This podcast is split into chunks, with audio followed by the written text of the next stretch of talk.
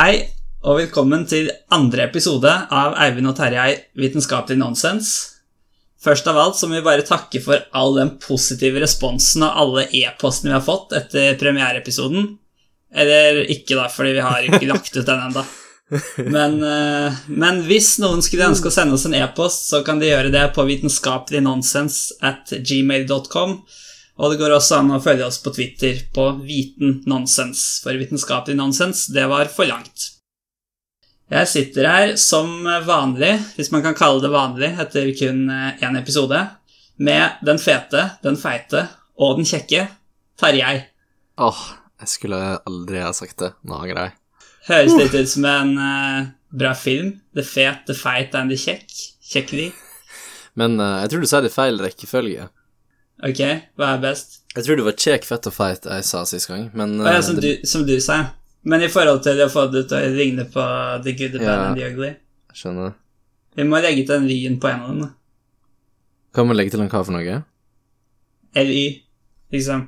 Å ja, sånn, ja. For å få litt samme form på det. Mm, men jeg syns feite funka, òg. Den kjekke, den fete, den feite. Nei eh, Nei, jeg vet ikke. Det er bare det at fet og feit ligner sånn på hverandre, så jeg følte det var, ga mening å begynne med. Uh, Har du sett okay. filmen? Altså Um, ja, and jeg har sett filmen, men er ikke det den tredje filmen i en, i en trilogi? I en trilogi som ikke har noe sammenheng, eller noe sånt? Mm, ok, for jeg har ikke sett de to første.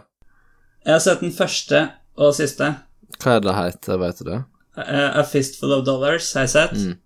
Siste var ok. Så jeg har ikke sett den andre, som heter eh, Hva heter den? For a Few Dollars More? Eller noe sånt? Mm, det høres kjent ut. Ja. Altså, jeg har sett Good and Bad and Ugly, og den likte jeg. Mm.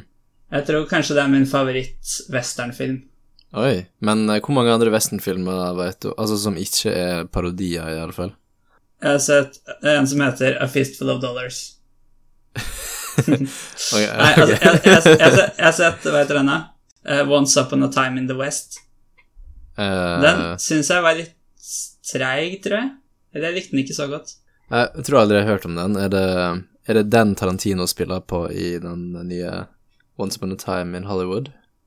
Det er det nok. uh, Uh, kanskje ja, eller, ja, altså det er i hvert fall en lik syntaks, men jeg vet Terje ikke og Eivind snakka om ting vi ikke kan. Eller fins det enda flere filmer som har den oppbygningen? Eivind og Tarjei snakka om ting vi ikke kan. Det er Ja, podkasten burde det. hete. Nei, men jeg tror vi bare skal sette i gang med det vi egentlig skal snakke om i dag, Tarjei. Og det, det kan egentlig du fortelle mer om enn meg. Jeg vet egentlig ikke så mye om det. Um, ja, Uh, jeg var jo i uh, St. Louis uh, i forrige måned um, Mm. for å delta på Strange Loop. Strange Loop, hva er det for noe? Det er den feteste konferansen eh, jeg veit om, i alle fall. Jeg vil si den hadde et fet navn, i hvert fall. Ja, um, den er oppkalt etter ei bok som egentlig er ganske uh, interessant tema. Uh, handler om uh, uh, Han snakker om bevissthet og litt den type ting. Han beskriver seg sjøl som en strange loop. Um, yeah. Som er løkke i, i et programmeringsspråk, da. Hvem gjør ikke det? Eller Hvem gjør ikke det? Han mener hjernen er det, da. Um, så konferansen er oppkalt etter den boka, da. Um, Ja. Og det setter litt tonen, føler jeg, for det er en del sånne Det er litt sånn en del filosofiske talks, og det er veldig mye teknisk, da. Det er veldig mye sånn dype tekniske ting, og lite fluff, prosess, eh, sånn type kjedelige talks, da. Ja, men det er hovedsakelig retta mot data, ikke sant? Ja, det er en utviklerkonferanse. Ja, altså det du jobber med, og jeg studerer. Så det er jo en viss fare i dag for at det kommer til å bli litt eh, komplisert og kanskje litt vanskelig å, å følge med for alle som ikke har eh, så mye bakgrunnsinfo om dette. Men vi skal prøve å holde det på et eh, ganske lavt nivå. Og så kommer vi nok sterkere, eller kanskje mer presis svakere, tilbake senere med et tema vi kan mye mindre om, og da vil jo også nivået ligge deretter.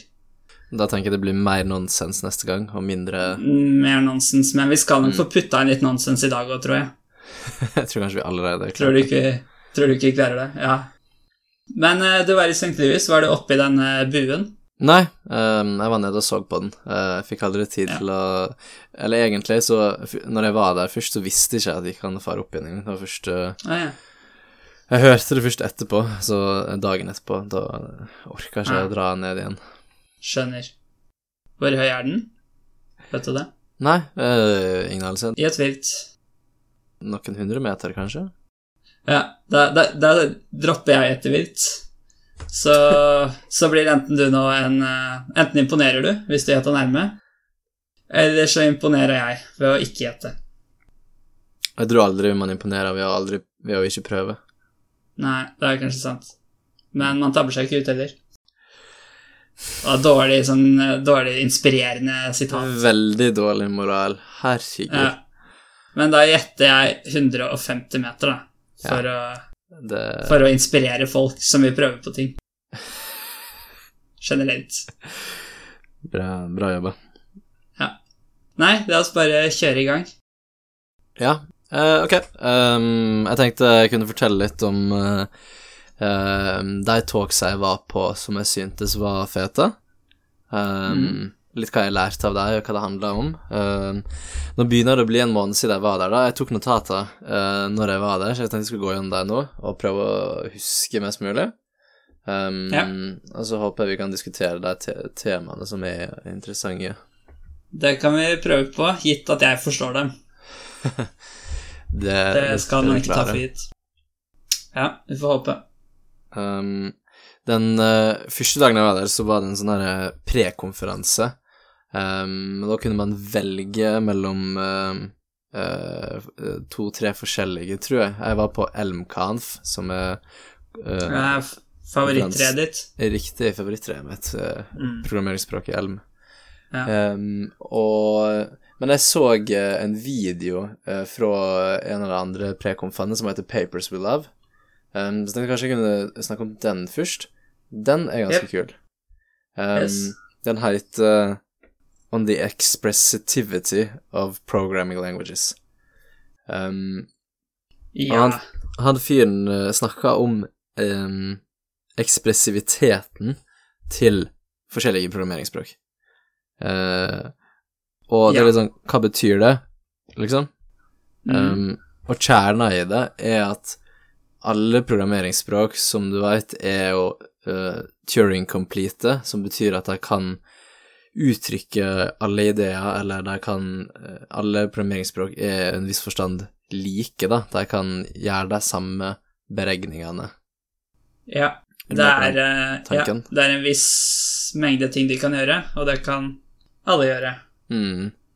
Ja. Så, så spørsmålet er jo da på en måte hvordan klarer du å Går det an å tenke på hvor um, Eller om en feature i et språk eh, introduserer um, ekspressivitet når på en måte ingen features gjør det? Hvis du har liksom if-tester og uh, conditional jumps eller, eller løkke, så, så er det Turing complete, liksom. Så trenger du noen features utover det.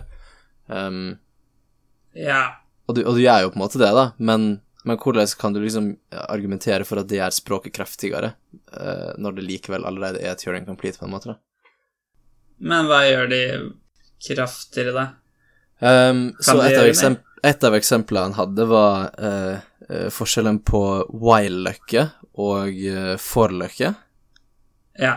Som er altså det er måter å få eh, et programmeringsspråk, eller maskinen, da, til å gjøre en tilsvarende ting mange ganger etter hverandre. Kan man vel si. Hva tenker du eh... Jeg prøvde bare å forklare hva dette var. Tenker du Tenker du for-løkke introduserer ekspressivitet i et språk som allerede har while-løkke? Hva tenker du om det? Å ja, du bare tenker videre nå? Ja. Mm. Ja, jeg trodde du lurte på hva jeg sa. Nei, det skjønte jeg. Nei, ja. Eh, ja, det er interessant, for du kan gjøre akkurat det samme med en forløkke og en while-løkke, Mm. som det er to forskjellige slike måter å gjøre dette på. Mm. Men du kan gjøre noen ting, hva skal man si, raskere, altså ved å skrive mindre kode. Mm. Hvis du har begge tilgjengelig og på en måte velger den riktige i enhver situasjon, da. Ja. Så det blir jo et definisjonsspørsmål, vil jeg si. Det, det er det den paperen han legger fram, handler om, da. Hvordan definere det her på en liksom matematisk og nøyaktig måte, da. Men hva, hva sier okay. intuisjonen din om, om temaet? Eller om det spørsmålet? Uh, om den er mer uh, expressive. Ja, et språk som som har forløkke i Ja, et språk som har forløkke i tillegg til while-løkke, eh, versus et språk som bare har while-løkke, da. Ja, sl- slik jeg vil tolke expressiveness, da, har vi et Mm. godt ord for det på norsk. Uh, ekspressivitet. ekspressivitet. Nei, jeg vet ikke. Uttrykksfrihet. Mm. Nei, et eller annet sånt. Um, så vil jeg si at de er like, kanskje. Ja. Det er konklusjonen hans også, fordi um, litt av intuisjonen han prøver å bygge i løpet av den talken, da, er at uh, hvis du har ei forløkke, men sier språket ditt egentlig ikke støtter det, da, så er det på en måte trivielt å bytte ut forløkka med ei while-løkke og en teller og en startvariabel.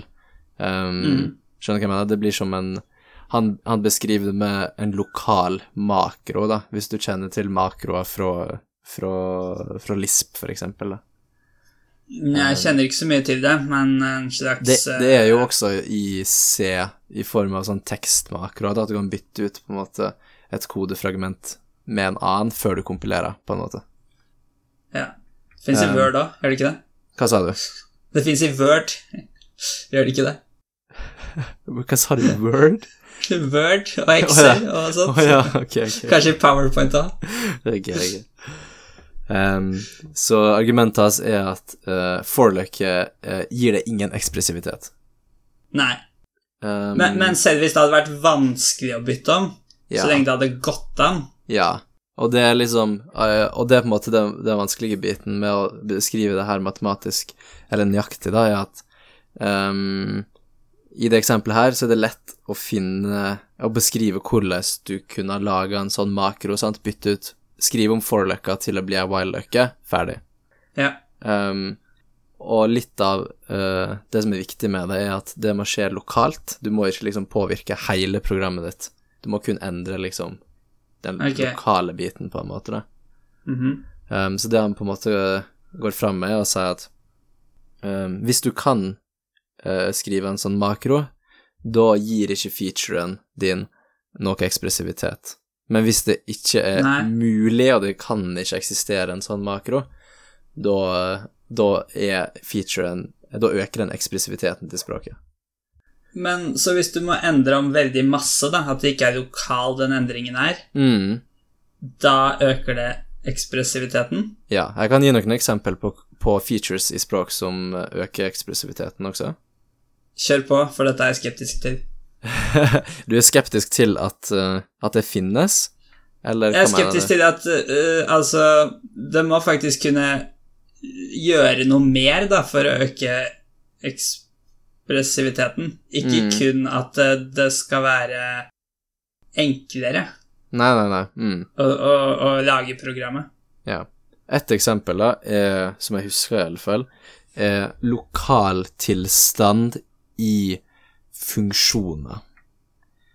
Um, som okay. betyr at for hver gang du kaller funksjonen, så husker den Eller du kan liksom holde state mellom uh, kall til den samme funksjonen. Er du med på den tanken? Ja, så en funksjon er da altså en uh, bit av en kode uh, som du kan be om å kjøre på nytt og på nytt, sånn at du på en måte slipper å skrive dette på nytt hver gang, kan man vel kanskje si. Og Ja. det man da mener med state, altså at den har en tilstand, er at eh, denne funksjonen f.eks. husker hvor mange ganger den har blitt kjørt, fremfor at akkurat det samme skal skje hver gang. Mm. Og det er et veldig godt eksempel på lokal tilstand, at du teller hvor mange ganger den er blitt kjørt. Um, Fordi en, måten man definerer ordet funksjon på i matematikk, er veldig forskjellig fra hvordan man definerer det i eh, programmeringsspråk. Fordi yeah. i, innenfor matte så ville den funksjonen ha vært noe som mappa en input til en output. Og veldig yeah. sentralt er det da at den er deterministisk og alltid gir det samme svaret. for den samme inputen, da. Så lokal tilstand er ikke noe du kan snakke om når du snakker om en matematisk funksjon. Mm. Um, og grunnen til at det her ikke kan um, implementeres med en lokal makro, er at Eller liksom, hvordan skulle du ha gjort det, da? Det må bli at du Eneste måten du kan implementere uh, lokal tilstand på i et språk som for eksempel Haskell, som ikke har um, som, som ikke kan ha lokal tilstand i funksjonene fordi de er matematiske funksjoner, de er pure, som man sier. Ja, yeah. Måten du måtte liksom ha uh, juksa det til på, eller implementert det på i Haskell, er å sende med eh, en ekstra verdi til funksjonen, um, Mm. som på en måte er den tilstanden, da. Og hvis du skulle liksom skrive en makro som gjør det, eller transformert et program til å støtte det, så måtte du ha endra alle funksjonene dine, og alle plassene du kaller funksjonene. Så det blir en sånn Ja. Du må endre hele programmet ditt, da. Og da regnes det som mer ekspressivt. Ja, for du kan på en måte Hvis du har et program som kun har pure-funksjoner, så kan du Ja.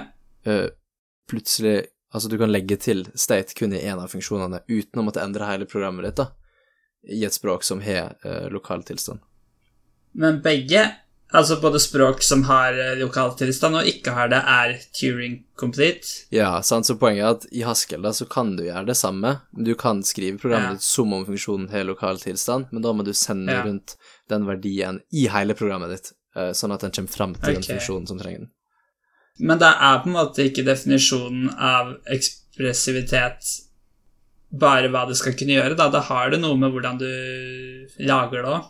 Mm, det det handler om, er at du, må, du slipper å refakturere hele programmet ditt hvis du vil Ja. gjøre noe som krever eh, lokal tilstand.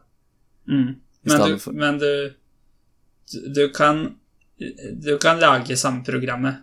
Ja da, det er bare at det Uansett, blir mye styggere, sant, for du er nødt til å endre hele programmet, ikke bare den Jo, lokale Men delen det er, det er ikke definisjonen av ekspressivitet det jeg trodde var først. Altså okay. hva du faktisk kan beskrive med språket. Nei, fordi du kan beskrive det samme fordi alle er Turing complete. Mm. Riktig. Ja. Riktig. Det er greit. Og det som er litt vanskelig med det, da, er å um, Fordi hvordan på en måte beviser du at det ikke kan eksistere en lokal makro som implementerer det her? Det er veldig vanskelig å altså liksom vise at Mm. det ikke kan engang eksistere. Ja. En, uh, en av de andre tinga han uh, uh, hadde som eksempel på ting som økte ekspressiviteten, var exceptions. For det er på en Ja. måte funksjoner som ikke De returnerer aldri, men så fortsetter koden en annen plass i kodebasen. Da. Og det er også en sånn ting som du ikke kan på en måte simulere eller implementere uten å transformere hele programmet ditt. Mm. Så, Altså, bare for, for å forklare litt mer hva det er, da, så er det rett og slett når noe går som man ikke har planlagt, kan man kanskje si, så er det på en måte måter å håndtere feil på, da, uten at hele programmet skal krasje. mm. Sånn men, du, fortalt. men du kan også bruke exceptions til å implementere um, noen type algoritme, eksempel, som bare funker på den måten at du flytter på en måte control flowen uh, Ja, hjelp absolutt. exceptions. Uten at noe er galt. Ja, mm. så, og det, det er interessant da at uh, språk som har exceptions, er mer ekspressive på den måten, da, og også det samme med språk som har lokal tilstand i funksjoner, for det er noe, iallfall jeg som er en fan av funksjonell programmering, prøver å unngå å bruke, da. Ja. Det syns jeg er helt interessant. Mm. Fordi, ja, så det, det tar vekk noe, men samtidig blir det kanskje mer oversiktlig, da.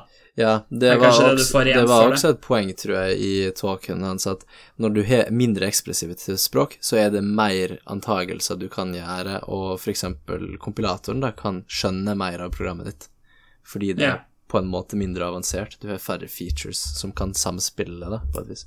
Ja, så det kan f.eks. gå raskere, da, å gjøre om det man har skrevet, til et fungerende program.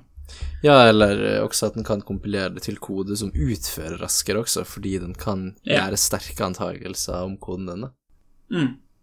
Um, så det var Papers We Love. Um, eneste uh, talken jeg fikk med fra den uh, prekonferansen, siden jeg så det på video. Uh, Ja. uh, jeg var på Elm-konferansen, da. Um, Jeg veit ikke om eh, Jeg husker spesielt godt noen av de togsa. Det var Det er jo mye sånn for nybegynnere og sånn i sånne LM-konferanser, har jeg inntrykk av. Sikkert fordi det er et veldig ungt språk. Jeg er veldig nybegynner i Elm. Ja, ikke sant? Så det den hadde sikkert passa godt for det, da. Um, den ligger jo på YouTube, så det er jo verdt å, å sjekke ut. Um, Nei, man, man er vel kanskje egentlig ikke nybegynner når man ikke har begynt. nei, Eller har, no, er eller har noe plan om å begynne med noe. Og du har ikke plan heller, nei, ok. Ikke, ikke ennå. Um, litt sånn gisten av det, i alle fall i løpet av dagen, uh, som jeg satt igjen med, var at de snakka en del om hvordan integrere med eksisterende API-er, um, og det Ja. jo Det gir masse mening. Um, og det var en del talks om CSS-animasjoner og WebGL og litt uh, den type ting. Yes. Um, og så var det en del talks om typesystemet og hvordan bruke det til å modellere ting, og det er jo en av liksom, styrkene i sånne ML-språk som LME, uh, og som Haskell er, at du kan uh, yeah. bruke det algebraiske datatypen til å uttrykke Si uh, masse ting om domenet ditt, på en måte. Mm. Um, og så gikk det igjen, følte jeg, i mange av talksa, at eh, det var mange folk og bedrifter som hadde gode erfaringer med å eh, At nybegynnere skulle komme inn i uh, Elm-kodebasen deres og starte å lære seg det språket fra scratch, da. Litt sånn som den situasjonen du er, og ikke kunne noe om det. Um, yeah. At det var liksom en av de sterke sidene til Elm, da. Ja. Og det, det syns jeg er litt uh, interessant, fordi det, det blir jo sett på som et sånn Det er jo et liksom veldig sterkt funksjonelt f- pure språk som skremmer mange, tror jeg. Um, så det er gøy gøy å høre at liksom erfaringene der er at det er enklere for folk å komme i gang uh, med Elm da enn det er med React, eksempel. Mm.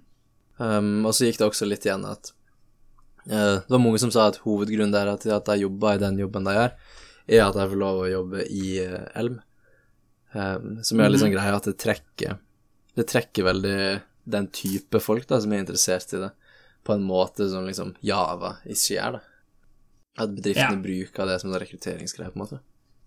Fordi det er litt mer eh, annerledes, da, kanskje, eller eh, Ja, og liksom smarte spesielt, folk er interessert i å skrive i den type språk, da.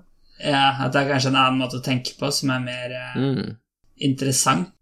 Ja, ja, det er en god måte å skrive det på, syns jeg. Jeg alle det. Men, men samtidig tydeligvis ikke så vanskelig, da, siden det var anbefalt for nybegynnere. Mm, og det, de snakka til og med om at uh, Jeg har fått skrevet i notatene mine at det var det er mer erfarne utviklere som sliter litt, for de sitter litt fast sikkert i den gamle tankegangen og ikke helt Det er jo virkelig Ja. paradigmeskifte å skrive i et funksjonelt språk. Ja. Men, men ja, det er vel kanskje litt sånn at det er lett å på en måte komme i gang med, da, men så er det komplisert å, hva skal man si, eh, bli god i det, eller eh, forstå det ordentlig. Kanskje. Ja, jeg, veit ikke om, om det er det. Altså, jeg tror det er mer at folk som allerede kan og er drevne på å skrive Java, eh, Eh, ikke har stor interesse av og kanskje sliter med å, å bry seg, da. Nei, jeg tenkte mer i forhold til dette med at du sa at det var mange som syntes det var veldig interessant og sånt, da. Mm. Det tyder jo kanskje også på at det ikke er altfor trivielt. Ja, sånn, ja. Ja, det kan du si. Jeg veit ikke. Um, jeg har vel inntrykk av at de har stor suksess med også store og langtlevende prosjekt, at det går veldig, veldig bra, da. Og at de Ja, mener det det, hadde gått mye verre hvis det hadde vært i et typisk sånn tradisjonell javascript, eller jQuery. Ja. Eller, Det er skalerbart, da. Altså Ja, si. i forstand av uh, antall utviklere og linjekode. Så Ja. mm. Ja, fordi eh, jeg har ikke vært så mye borti slike funksjonelle programmeringsspråk.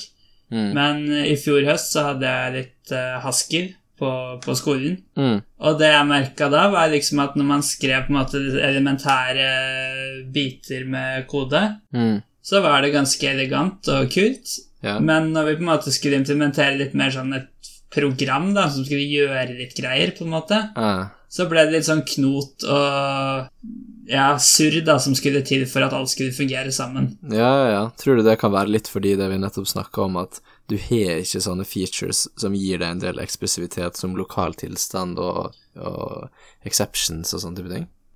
Ja, det tror jeg det kan være. At eh, ja, at du mangler noe som kunne gjort det enklere. Selv om det går fint an. Uh, men- Men det kan selvsagt også ha noe med at eh, Altså Hvis du blir bedre i dette, så finner du bedre måter å gjøre ting på, og at du Mm. kanskje da kan holde det mer oversiktlig. Mm. Eh, Men det er litt interessant, fordi det skal jo helst være litt uh, skalerbart. Altså at du skal, kunne lage litt eh, store programmer for at det skal ha noe særlig verdi. Ja, ja, absolutt. For, det, for det, det kan jo være et problem med nye, ja, nye språk og ideer som kommer, at uh, i begynnelsen så blir det testa på mer sånn småting, og da kan det være veldig kult. Mm. Og så fungerer det kanskje ikke så bra i praksis. Mm. Uten at jeg skal si at dette gjelder uh, generelt for uh, verken Hasker eller Elm eller noe Nei. annet for den, for den saks skyld. Mm. Ehm, så uh, den første dagen med med Strange Loop-konferansen um, så gikk gikk jeg på eh, Det var kanskje keynoten, altså det var, da, da var det liksom uh, for alle, at alle så den samme talken. Um, og det er ofte litt høyere nivå på den, litt sånn høyere uh, abstraksjonsnivå, gjør det mening? Den er litt uh, Ja. ikke så ned i gjørma av teknikalitet, da. ja, litt mer eh, generelt. Mm, ja, på en måte. Ja. Og den handler om hvordan lære folk å programmere. Og Ja, ok. det var veldig kult, um, fordi hun snakka om ehm, studier som er blitt gjort på uh, hvordan lære folk å skrive, altså unger, hvordan lære barn å skrive, og hvordan lære de matte. Um, Ja. Og hun klagde på at vi ikke har den samme tradisjonen innenfor programmering, da. At vi veit ikke hvordan folk faktisk lærer faget. Nei. Ja, nei, det har jo ikke vært så lenge så veldig mange har drevet med dette heller, så det har vel litt med det å gjøre. Det er nok sikkert Kanskje? derfor, da, absolutt. Um, så hun snakka om og fortalte litt om hva som er lærdommene fra, uh, fra å lære å lese, da, for eksempel. Um, Ja. Og liksom kjerna i det er eksplisitt og målretta eh, øvelse. Lese høyt, altså ikke bare inni hodet ditt, men lære deg å uttale eh, ord og bokstaver rett. Ja. Um, og så klagde hun på måten vi typisk tenker om programmering, hvordan folk skal lære det. Vi tenker ofte at folk skal liksom få muligheter til å leke seg og utforske eh, på en umålretta måte og liksom finne ut av ting sjøl og den type ting. Sikkert fordi det var sånn veldig mange av oss lærte oss å programmere uh, Ja. sjøle. Mm. Og og mener at det, det er bare tull. Hvis du faktisk skal lære folk det, så må du eh, forklare folk hvordan de skal løse et problem. Vise det liksom ved eksempel og sånn.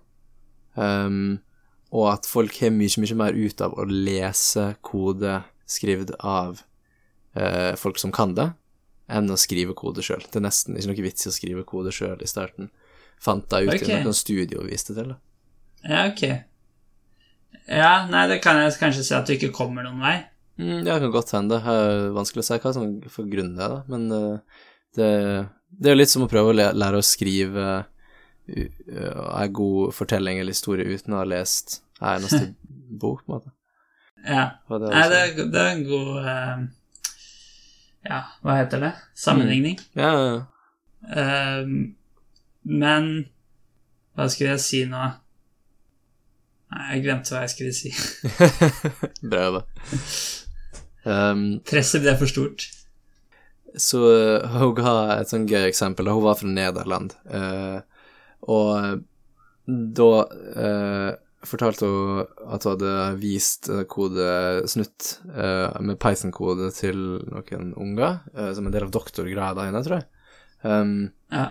og en av på en måte, greiene de gjorde, var å lese det høyt. Hun fikk dem til å lese det høyt, så noen måtte høre hvordan de uttalte det. Og da sa Da leste de for eksempel, da For I in range uh, i den første linja, og så neste linje da sånn print i. Ja. Og greia er at på nederlandsk så uttaler de eh, i på samme måte som vi gjør. Bokstaven i. Ja.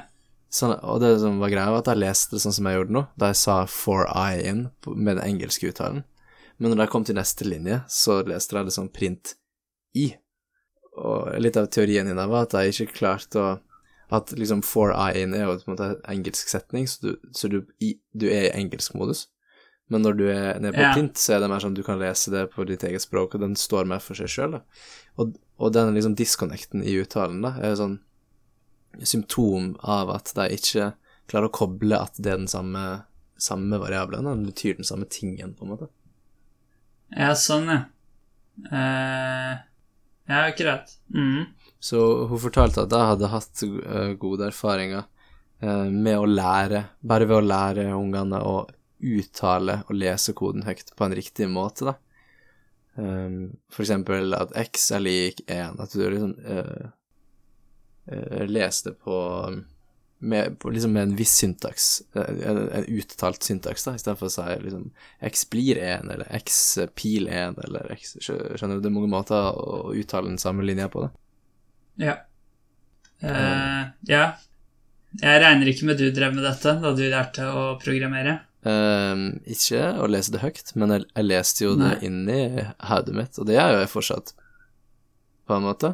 Ja, men bare for å lære av det? Nei, Eller nei, for nei, å nei, finne en feil? Nei da, bare at du må, når du leser koden, så må du på en måte forstå den på en eller annen måte.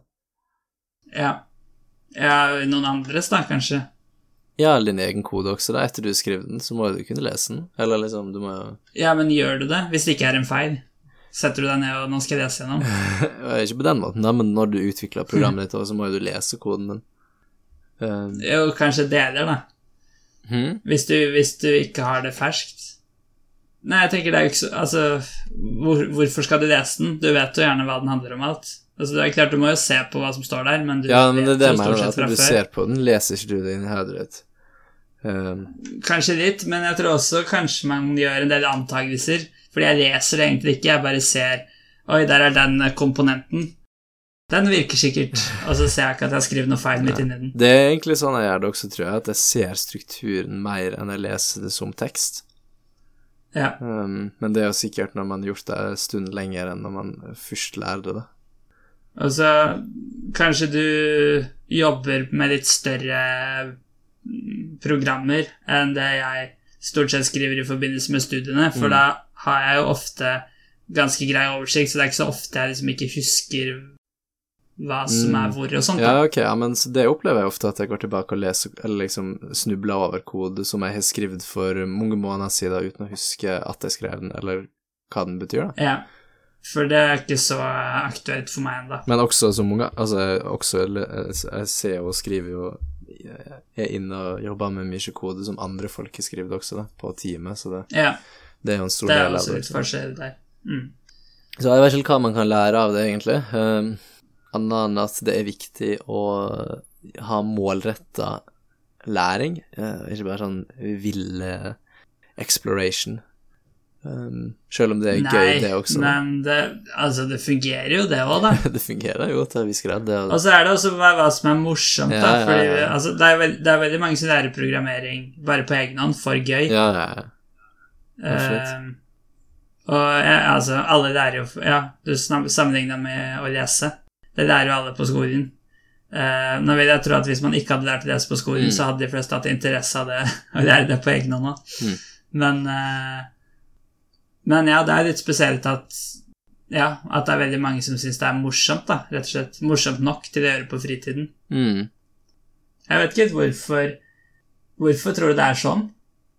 At, at mange syns det er gøy å programmere på fritiden. Det er ikke så mange som sitter og regner matte på fritiden. Nei, det Er, er, det, er det det at du på en måte kan lage et program Ja, som ja, ja, blir noe ferdig og kult? jeg, jeg tror Eller er det mer altså. det med at man har Ja. Det absolutt. Det, jeg tror det er akkurat det du sa nå. Det, det var jo sånn jeg starta med da jeg ville lage eh, spill, så jeg starta å lære meg å programmere i Unity. Ja. Så det tror jeg gjelder det aller fleste, altså. Men tror du også det er noe med, hvis vi sammenligner med matte, da, at det har man jo såpass mye av på skolen, så man på en måte får eh, dose nok, nok ja. der? Det, ja, det kan jo hende, det også, da. Absolutt. Uh, grunnen til at jeg lærte meg sinus og Altså det trigonometriske uh, ting, uh, første gangen. Ja. Det var på videregående før jeg hadde det liksom formelt i skolen. Og, grunnen til at jeg gjorde det, var for å kunne regne ut vinkelen Jeg prøvde å lage et Worms-spill. Hvis du har spilt Worms? Uh, ja, jeg, jeg tror jeg vet hva det er, i hvert Det er fall. sånn eh, ormer er sånn- som skyter på hverandre. Uh, Ja. Og da er det sånn at jeg sikta med en bazooka, liksom. Litt, du må liksom sikte mot vinden, på en måte, da, for eksempel, for å få den til å gå i riktig Få prosjektilet til å gå i riktig bane. Ja, så det er litt sånn fysikk... Uh, Ja, ja, ja, riktig. Så det, var, så det var den fysikken der jeg prøvde å regne ut liksom vinkelen.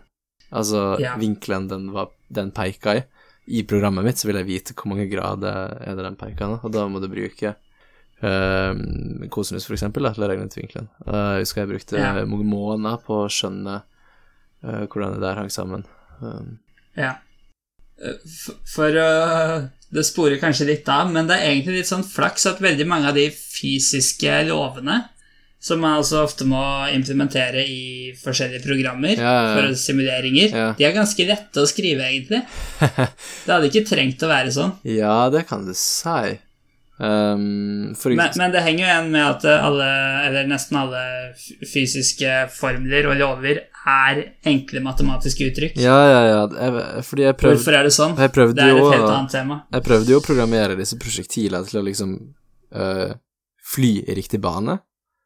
Og det var jo ikke noe vanskelig, det er jo bare å sette en konstant um, tyngdekraft, tyngdeakselerasjon, og det du gjør da, er jo liksom bare å legge på Du øker farta til prosjektilet i nedoverretning med den konstante akselerasjonen for hver frame, og så øker du posisjonen med den uh, farta for hver frame. Og det blir jo yeah. Uten å vite det, da, på den tida, så det jeg gjorde, var jo å implementere um, Å nei, hva er det det heter? Uh, det er en uh, numerisk integrasjonsmetode. Om det, Ja. om det er Newtons Altså- Nei, det er Oilers, Oilers metode, er det den heter? Ja, altså en eh, slags uh, tilnærming, eller en enklere måte å regne ut Hva er det du regner ut med den? Eh, ja, det blir jo Ja, nei, jeg vet ikke, det er jo numerisk integral, da. Uh, hvis du skal ha den eksakte eksakt Det er integral. Ja, jeg tror det, for hvis du skal ha den eksakte beskrivelsen av bana som prosjektilet følger, så er det den dobbeltintegrerte av akselerasjonen, da. Blir det ikke det? Det er posisjonen. Og da blir det eh, sånn kvadratisk uttrykk, da. T i andre, typisk. Ja. Mm. Neste talken jeg var på, heter Typing the Untyped. Mhm. Og det, og det er en litt sånn talk jeg, syns er gøy, da, fordi den handler om uh, typesystem, um, og hva typesystem som kan eksistere. Hva er et typesystem, Tarjei? Uh, typesystem, typisk et statisk typesystem, da, er en måte å tenke på uh, typene til verdiene i programmet ditt. Um, Ja, Og da tenker ikke man på sånn her Java-klasse det som en type, det er mer eh, strukturen og formen Forma til dataen din. Som ja eh, men, du, men du kan si at en type for eksempel kan være en bokstav er en type, og et tall er en type. En string er kanskje en type. Um, og alle en string er altså da tekst, rett og slett. Ja, for eksempel, da. Og heiltallet er en type. Ja. Um, så man tenker egentlig, i alle fall uh, innenfor funksjonelle språk ofte, på typer som uh, set, uh, som man sier på engelsk i alle fall. Da. På norsk kaller man det kanskje mengde. Mm, jeg tror du kan si et sett òg, kanskje. Uh, jeg, Jeg føler ikke. ofte jeg får kjeft av folk som har tatt matte på norsk. Å ja. på, på høyere nivå, i alle fall. At jeg kaller det mengde. Og da snakker man om uh, mengder av det naturlige tallet, da, som er Det er en er- eh, type. Sam ja, det, det er en type, det er en type Ja. da. Så en type er en Men- mengde, en mengde er en type i, uh, innenfor den teorien. Men du kan også si at eksempel at en farge er en type. Ikke sant? Eller et land. Det spørs hvordan du tenker på det, da. Hvordan vil du definere det som en type? Nei, det er liksom bare et sett med mulige verdier som kan brukes Ja, i ok, en så, sammenheng. så mengder av alle landa i verden uh, kan du kalle, det kan du kalle en type. Ja. Ja, det, den, den er jeg med på. Og, og poenget med typesystem er da at du uh, alltid skal spesifisere hva slags type noe skal være av. Er det en grei måte å si det på? Det strides jo veldig hva poenget med typesystemet og om det har et poeng i det hele tatt. Um, men uh, det er en måte å si det på det, da. Haskell, for eksempel, som har et veldig sterkt og avansert typesystem, uh, hadde jo som opprinnelig mål at du skulle kunne skrive fullstendige program uten å måtte nevne en eneste type, da, der alle typene ble infera automatisk av kompilatoren. Ja. Så det er ikke nødvendigvis et poeng å skrive ned typene, da. Nei, men altså for å prøve å ta en slags eh, eksempel, da, litt sånn i, i dagliglivet. Så Mm. hvis, hvis, no- hvis um, jeg spør deg um, hva er favorittfargen din på en genser, Mm. så må du svare med en farge. Du kan ikke svare 20. ja, ok. Mens hvis vi ikke hadde hatt uh, typebegrensninger, så hadde ingenting hindret deg fra å svare 20. Ok, bra. Det er Er bra, det, er det greit? bra, bra eksempel. Vi kan prøve å spille Ja. litt videre på det. Ok, Um. For det han snakker om i den talken her, da, er um, Kan du ha et fullstendig sound og komplett typesystem? Så det er to begrep man bruker for å beskrive uh, typesystem. Yeah. Et sound-typesystem um, vil uh, aldri tillate et program som er ugyldig. Det vil si et program som kan risikere å få en runtime-feil, da, eksempel. Ja, så den vil da, når du prøver å lage programmet etter at du har skrevet koden, så vil du si 'dette er ikke greit'. Ja. Det Og, er og et fordelen med det er at hvis du ikke hadde hatt det, og den hadde på en måte i stedet lagd programmet, så kunne du risikert at noen, når du hadde gitt dette programmet til noen, og de skulle kjøre det, så hadde det krasja hos dem i stedet. Mm. Men Og får sånn du i er stedet jo- på en måte sånn er jo typisk uh, javascript. Du skriver javascript, sender det til uh, klienten, til nettleseren, nettleseren, til en bruker, Mm. Ja. og fordi du ikke har et statisk typesystem som er sound, så Mm. krasjer det runtime. Ja. Um, Så det gjør det på en måte lettere å oppdage feil, da, rett og slett. Ja, det er her poenget. Og det er Ja. det ofte man tenker på når man tenker på typesystem, så tenker man at poenget er at det skal være sound, og det er det Ja. man ønsker seg. Ja. Mens et komplett typesystem er på en måte det motsatte.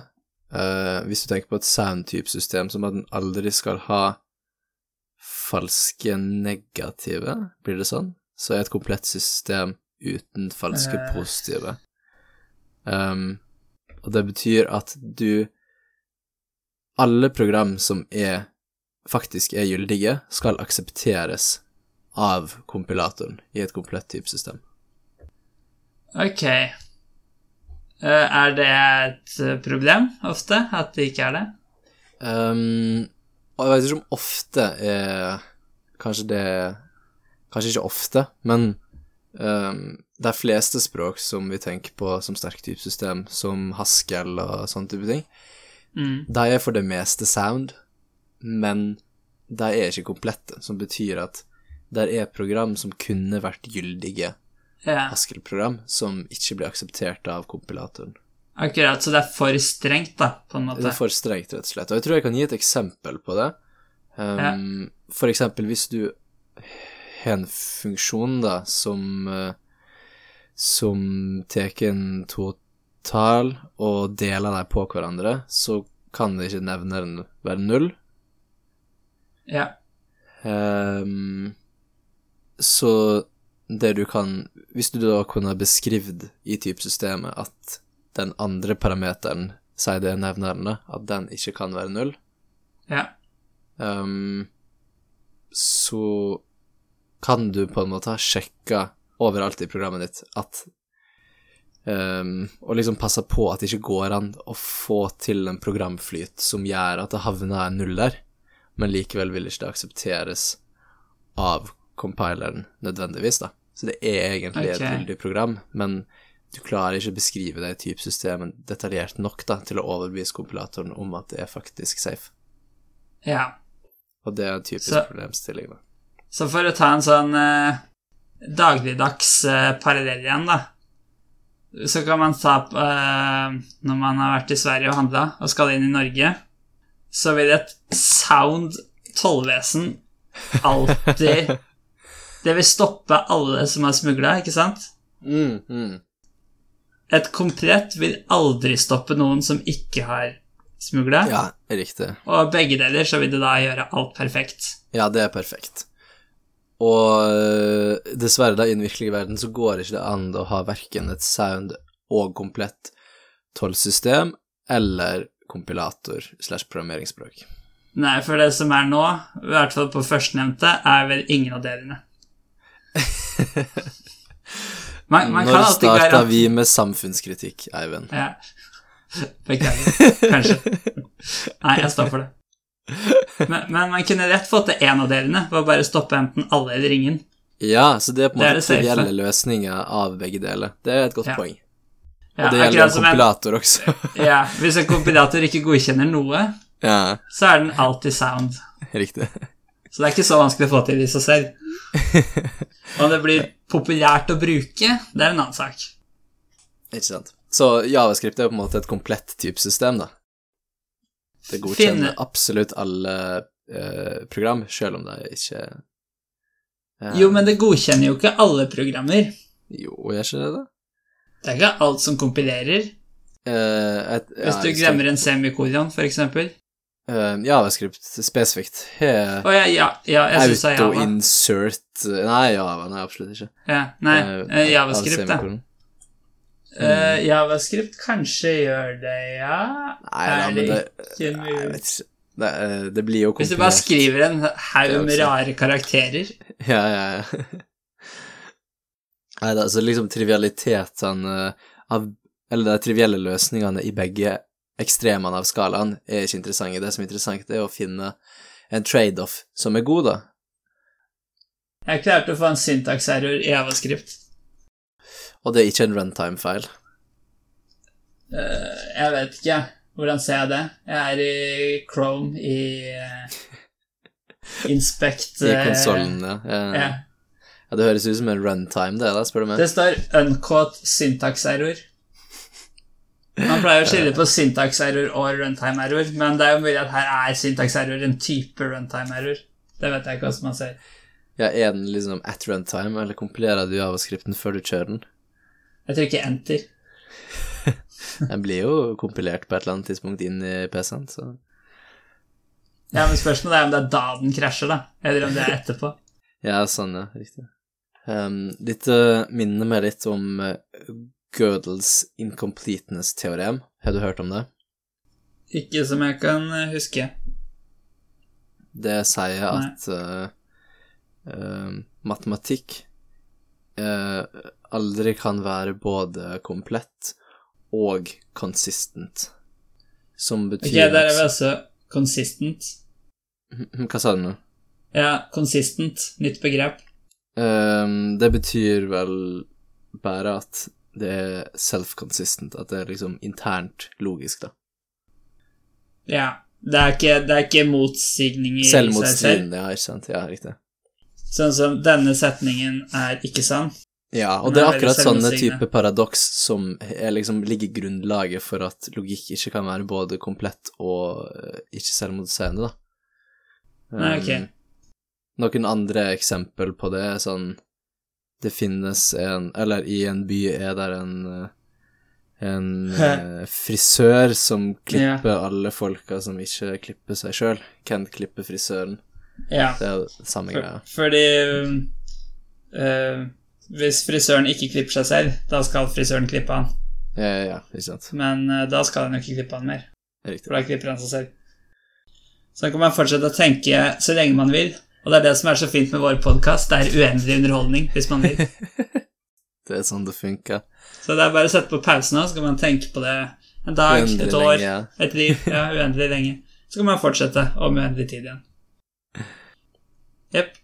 Um, så for å ta et konkret eksempel, da, på um, På ting som brekker på grunn av dine mangelen på soundness, eller strebenen etter soundness og eh, kompletthet, alt etter hvordan du ser på det, Ja. er eh, for eksempel liste i et språk som Java. Ehm, For i Java så har man uh, subtyping, som vi sier liksom en type er en undertype av en annen type. Og, Ja. og det har man også i, i andre typer system, som i Haskell sier man uh, polymorfiske funksjoner, eller parametrisk polymorfisme, heter det vel. Um, at du skriver én funksjon som kan håndtere forskjellige typer type typer, da. Hvis du henger med på det. et, et eksempel på det første igjen, da, det er at eh, en katt er et dyr, eksempel. Ja, ja, riktig. Og da er jo liksom Eller et pinnedyr. ja, ja, som også er et dyr, sant. Ja. Og da er prinsippet at du skal kunne En funksjon som tar imot et dyr, så skal du kunne sende en katt til den funksjonen. Ja. Um, Og at det kan mens skape litt problemer, da. ja, i Java så kan ikke du sende ei liste av katter til en funksjon som tar imot liste av dyr. Det høres rart ut. Det høres veldig rart ut, for du burde jo kunne det. Men er det en grunn til at du ikke kan det? Grunnen er at det hadde eh, Da hadde ikke typesystemet vært sound i Java. Og grunnen til det er at lista kan mutere. Fordi den funksjonen som tar inn ei liste med dyr, kan Ja. jo da legge til et marsvin Ja. i den lista. Men det er en liste av katter, egentlig. Eh, Ja, sant. Eller det skulle vært det. Det skulle vært det. Ja. Um, Ok, det, det var interessant, da. Ja, dette heter Syns jeg, da. varianse og kovarianse. Um, Ja. og det er sånn at når, de, når ting er kovariante, så oppfører de seg som konsumenter. Og når de er variante, så oppfører de seg som produsenter. Mm. Og eksempel på det er en funksjon. Outputen til en funksjon er variant, fordi den produserer en output. Mens input-typen er kovariant, Okay. fordi den konsumerer en ting. Mhm. For eksempel da en funksjon som tar inn katter. Ja. Hvis du skal ha en sånn funksjon, Ja. så kan du også akseptere en funksjon som tar inn marsvin. Blir det riktig? En gang til. For det er motsatt av det du skulle tro, da. Det er det som er den kovariant. Um, okay. ok. Så får du en funksjon som tar imot en funksjon som tar imot katta. Ja. Kan du da sende den funksjonen, en funksjon som tar imot dyr? Samler det. Jeg henger ikke helt med på dette. Jeg, jeg tror ikke jeg gjør det sjøl heller. um, Ja, ja. Der, der ble vi stille.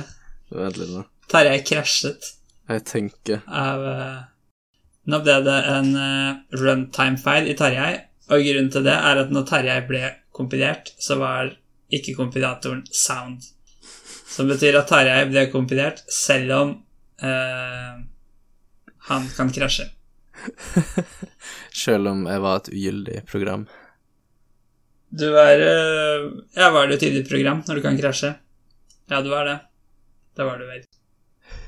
Du var gyldig i 23 år. Nei, ja, men hvis, det, hvis du kan krasje, så er ikke du et gyldig program, tenker jeg. Nei, jeg, altså, jeg vet ikke definisjonen, men du kan være nyttig, i hvert fall. da. Ok, så Det, for deg altså, at de fleste dataprogrammer kan jo krasje. Ja, det er sant, og det er jo nyttig for dem. Det er sant. Ok, så for, så for det at vi skriver en funksjon som uh, har én input, og det er Ja. en uh, En funksjon som vi inni funksjonen vår kaller med en katt. Ja. Um, som betyr at typen til vår funksjon er en funksjon som tar imot en funksjon som tar imot En funksjon. Nei, nei, nei, det var for mange funksjoner. En funksjon, en funksjon, en funksjon. Det er en funksjon som tar imot en funksjon som tar imot katta. Ja. Ja. Og den funksjonen vi skriver, da, påstår jeg kan kalles med en funksjon som tar imot dyr. Men hvorfor det? Fordi det vi gjør med den, er å kalle den med en katt, og hvis vi gir den en funksjon som tar imot dyr, så er jo en katt et dyr, så det burde gå bra. Men sier du ikke at funksjonen skal ta imot en katt? Jo. Eh, Hvis Jo, jo. funksjonen tar imot et dyr, da er jeg med på at da kan du sende inn en katt. Ja, ja, ja, ja. Men det er fordi vi har et ekstra nivå med funksjon her, og input-typen er kovariant. Det er det som gjør at det blir motsatt av det du tror. Så på en måte En funksjon som tar imot dyr, er en subtype av alle funksjoner som tar imot katter. Så det snur. Det snur når det er inputen til en funksjon. Det heter kovarianse, og det er sånn det må være. Jeg skal stole på deg, men jeg orker ikke å tenke på det. Jo, du må tenke gjennom det, det er det som er interessant. Ok. En funksjon En funksjon som tar imot dyr Ja. Nei, og en funksjon som tar imot katt, kan også alltid ta imot et dyr. Nei, Um, Nei. du kan bytte ut enhver funksjon som tar imot katter, med enhver funksjon som tar imot dyr. Ah, ok, sånn, ja. Fordi eh, Ja, for det du får ut av en funksjon som tar imot en katt Ja, det spiller ingen rolle. Det du får ut av den, Eh. kan jo være bare en string. Ja, men, men Her vi et praktisk eksempel på dette. For du sier ok, hvis vi har en funksjon som tar imot en katt, Mm. så da, da tenker jeg en funksjon som tar imot en katt, og så sier den fargen på katten. Uh, så den returnerer en farge, da. Ok. Ja. Mm. Da sier du at jeg kan bytte ut det med en Ja. funksjon som tar imot et dyr. Og returnerer en farge, ja. Stemmer. Ja, men det, altså det går jo, for alle dyr har jo også farger. Altså, hva mener du med bytte ut? Um, For sånn skal gjøre, funksjonen skal ikke gjøre det samme mer. Nei, den vil ikke gjøre det samme, nei. Men sånn rent praktisk så betyr bytte ut at funksjonen er en parameter til en annen funksjon. Det er inputen i en annen funksjon. Men gjelder ikke det alt? Altså, du, kunne bytta ut en funksjon som tar imot en katt, med en funksjon som tar imot en bil, og sier fargen på den òg? Nei, det vil ikke du, fordi du eh, sender jo en katt til dine funksjoner som tar imot biler, og det blir feil. Ah, ok, sånn, ja. Du vil ikke endre på hva som kommer inn, nei? Nei, nei, nei. Mm. Nei, ok, sånn, ja. Så du kan gjøre det mer generelt. Mm. Der skjønte jeg det. Det betyr jo ikke at eh, Altså, det er, litt, det er litt flaks hvis alle som hører på, fikk åpenbaringen på akkurat samme tidspunkt som meg, når jeg har prøvd å skjønne det i fem minutter. Mm. Og høgst usannsynlig. Det her er sånn greie som er skikkelig tricky, for du tror det skal være andre veien, og så er ikke det det. Eh, det er veldig rart. Ja. Mm. Ja, for du kunne ikke gjort andre veien å ha en spesiell eh, rase av en katt og bytte med Nei. det. Nei, For da kan nei, du få inn en katt som er av En en, annen vilkårlig rase. katt, riktig. Ja. Mm. Eh, men du kan gjøre det mer generelt. Ja, og, og det er det som er så rart, at selv om katt er en subtype av dyr, så er en funksjon som tar inn et dyr, en subtype av en funksjon som tar inn en katt. Ja. Hvis uh, du skal betale i butikken, og de kun tar bankkort, og, og så betaler jo du med bankkort. Men hvis butikken endrer at du nå kan betale også med kontanter, så går det fortsatt bra at du betaler med bankkort, fordi altså både kontanter og bankkort er eh, mer generelt enn bare Mm. bankkort. Det føler jeg er varianseksempelet. Eh, Har du et eksempel for kovarianse? Jeg følte det var uh, samme som det du sa nå, med katt, bytte ut katt med dyr. Å ja. Ja Nei. Ja, Det, det, det ble mer generelt, i hvert fall. Ja Men jeg føler ting alltid Funksjonen er på en måte å betale, sånn- ja. og så er inputen mm. hva du velger å betale med. Mm, men det er betalingsmekanismer du bytter ut, ja. Jeg, jeg er fornøyd med eksempelet mitt. Jeg står ved det. Ok, nå er vi oss fornøyd med den, og så går vi videre. Ja, så gjør det. Skal vi ta kjapt et siste tema? Ellers så tror jeg vi Um, kanskje må kjøre en del to av det her senere. Ja, det tror jeg kanskje vi må også. Men uh, hvis du har et kort et, så kan vi ta det nå. Ja, Um, Jeg var på en talk som handla om bitemporale databaser. Um, og det skjønte jeg egentlig ingenting av, men men det jeg skrev i notatene mine, er at den bitemporale bitemporal database har to akser for event streams. Transaction time og valid time. Ok. Ja, database er vel noe de fleste kjenner til, altså der man lagrer data. Ikke sant? Så bitemporal, altså to eh, Altså noe med tid å gjøre. Ja. Så da har du vel de to aksene, da. Ja. Mm. Som da var transaksjon og uh, gyldighet, da. Altså ja. Mm. valid time. Ja. Ok. Da kan vi gå videre. Um, så er to måter man er interessert i å lese dataen på, er noen ganger er du interessert i hvordan ting var i fortida, og andre ganger er du interessert i hvordan du trodde dataen var i fortida, Ja, ok. fordi Mhm. det kan skje endringer. Ja. Og, og da snakker man om immutable databaser, da. Append only. Du kan bare legge til data, du kan aldri endre. Nei. Eller måten du endrer det på, da, er jo det- å sende en ny event som er uh, korrigeringa, da. Ja, men da vil aldri den uh, Det du trodde det var da, bli endret. Mm, riktig. Er det det poenget? Ja, ja, ja. Men er det dette som er de to uh, To aksene? Jeg veit ikke om jeg skjønte helt de to aksene, um, dessverre. Det, Nei, okay. det jeg følte jeg skjønte, var det med, med korrigeringa og at det er veldig fornuftig å ha ei umutabel database, da. Det høres jo litt rart ut at du ikke kunne endre noe i databaser engang, men jeg er en veldig stor Ja. tilhenger av immutabilitet, både i programmene dine, ingen lokal tilstand verken i funksjoner, som vi snakka om, eller i programmet eh, nesten i det hele tatt, da. Den eneste muteringa Mm. som gir mening, er i databasen, og da kun ved å legge til ting, aldri endre eksisterende ting. Um, Ja. Jeg tror veldig på det for å kunne skrive større og større og mer kompliserte program um, uten å miste kontrollen over hva som skjer, og uh, uten å Mhm. introdusere bugs du ikke klarer klar over, og sånne type ting. Da. Um, det ene problemet han tok opp, var jo liksom i forhold til GDPR og sånn, da, at du ikke får Du får aldri fjerna data. Nei, Um, det er jo et. Men du kan på en måte fjerne det fra det viewet applikasjonen din har i dag, da. Um, så det blir litt tilsvarende en backup. Og backuper er noe som faktisk er unntatt GDPR. Du, altså, hvis noen ber om å bli sletta, da, så har du Ja. nødt til å slette deg. Ja. men kun fra den eksisterende databasen. Og hvis du Du skulle kan ta backup først. Nei, nei, for du har jo gjerne backuper som allerede er tatt Ja. før, de ble, før de ba om å bli sletta. Ja. Eh, men kun når du en gang skulle finne på å um, hente ut backupen din fordi f.eks. Uh, databasen din krasja, da. Så Ja. da må du på nytt slette deg, og passe på at den måte alltid er sletta fra den live-versjonen.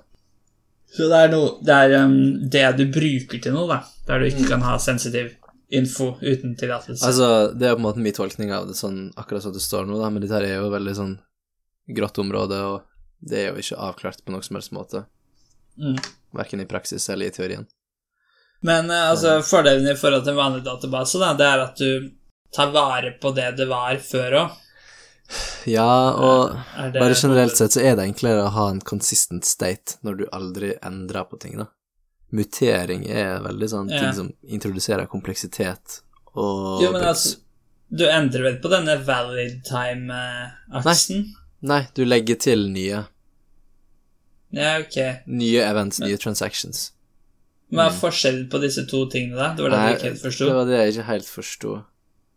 Um, men det jeg følte jeg s- forst... Ja, hva skal jeg si? Da skulle jeg tro at Altså, du trenger jo bare ha en vanlig database uten å slette noe. Høres det ut som. Um, du kan jo på en måte implementere det i ei vanlig database, da, men da gjør du mye jobb sjøl som på en måte databasen burde ta seg av, da.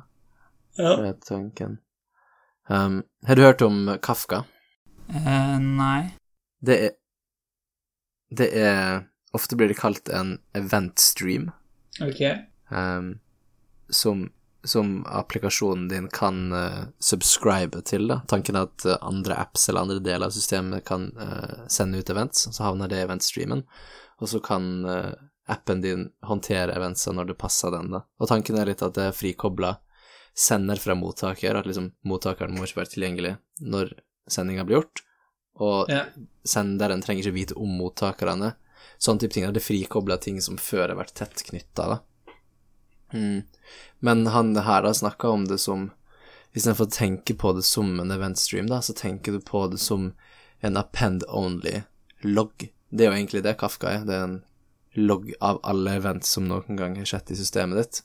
Og det eneste du kan gjøre, er å appende nye events. Ja.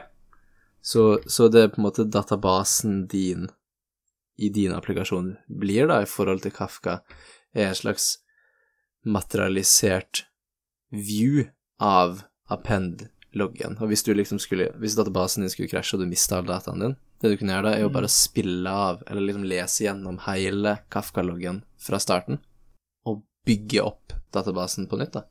Ja. Du har hele oppskriften, eller hva man Mm. skal si. Så det er jo en interessant måte å tenke på eh, systemet eller appen eller samlinga av appene dine som i stedet for å være liksom selvstendige ting med sin egen database, så er hver enkelt app en sånn eh, slags eh, et view, da, av loggen av ting som har skjedd i systemet ditt. Og Ja. da, da syns jeg det gir veldig masse mening at du aldri kan redigere events i den loggen, fordi det var jo sånn det faktisk var når det skjedde. Så det gir ikke noe mening engang å gå tilbake og endre på et event som allerede er skjedd. Mm. Ja. Så veldig kul uh, innfallsvinkel. Uh, event sourcing blir det også kalt. For å bygge kompliserte system. Ja. Så er spørsmålet hvorvidt det fungerer bra i praksis, da. Folk klager jo på at, uh, Det gjenstår alltid å se. at ja, introduserer mye kompleksitet også. Ja. Det er kanskje en fare. Og så er det også mer data som må lagres, da, ved at du skal lagre alt det gamle. Det er jo det også, da, men er det egentlig en utfordring med dagens uh, lagringsteknologi og lave priser per terabyte? Nei, det, det er ikke sikkert det. Det vil det sikkert være individuelt òg, fra, Mm, ja da. fra hvem som skal bruke det. Absolutt. Hvor mye data man har, og hvor mye hvor god økonomi man har. Riktig. Veldig sånn generelt safe ting å si. det kan du alltid si. Det varierer. Noen Eh, synes sikkert det er sånn, men det er sikkert de som tenker på det annerledes òg. Bitemporale databaser har sikkert mange sterke sider, men vi må ikke glemme ulempene. Nå har jeg sagt mitt for i dag. Har du noe mer Ja. å legge til, Tarjei? Nei, eh, det var halve dag én, så vi har jo mer å ta av her hvis du skulle finne på å ville fortsette samtalen en gang. Vi får prøve å lage en eh, part two etter hvert, eh, Mm. men neste gang er vi i hvert fall tilbake med et helt nytt tema. Så håper vi at også du hører på da. Takk for i dag. Woo! Bra. Ha det bra.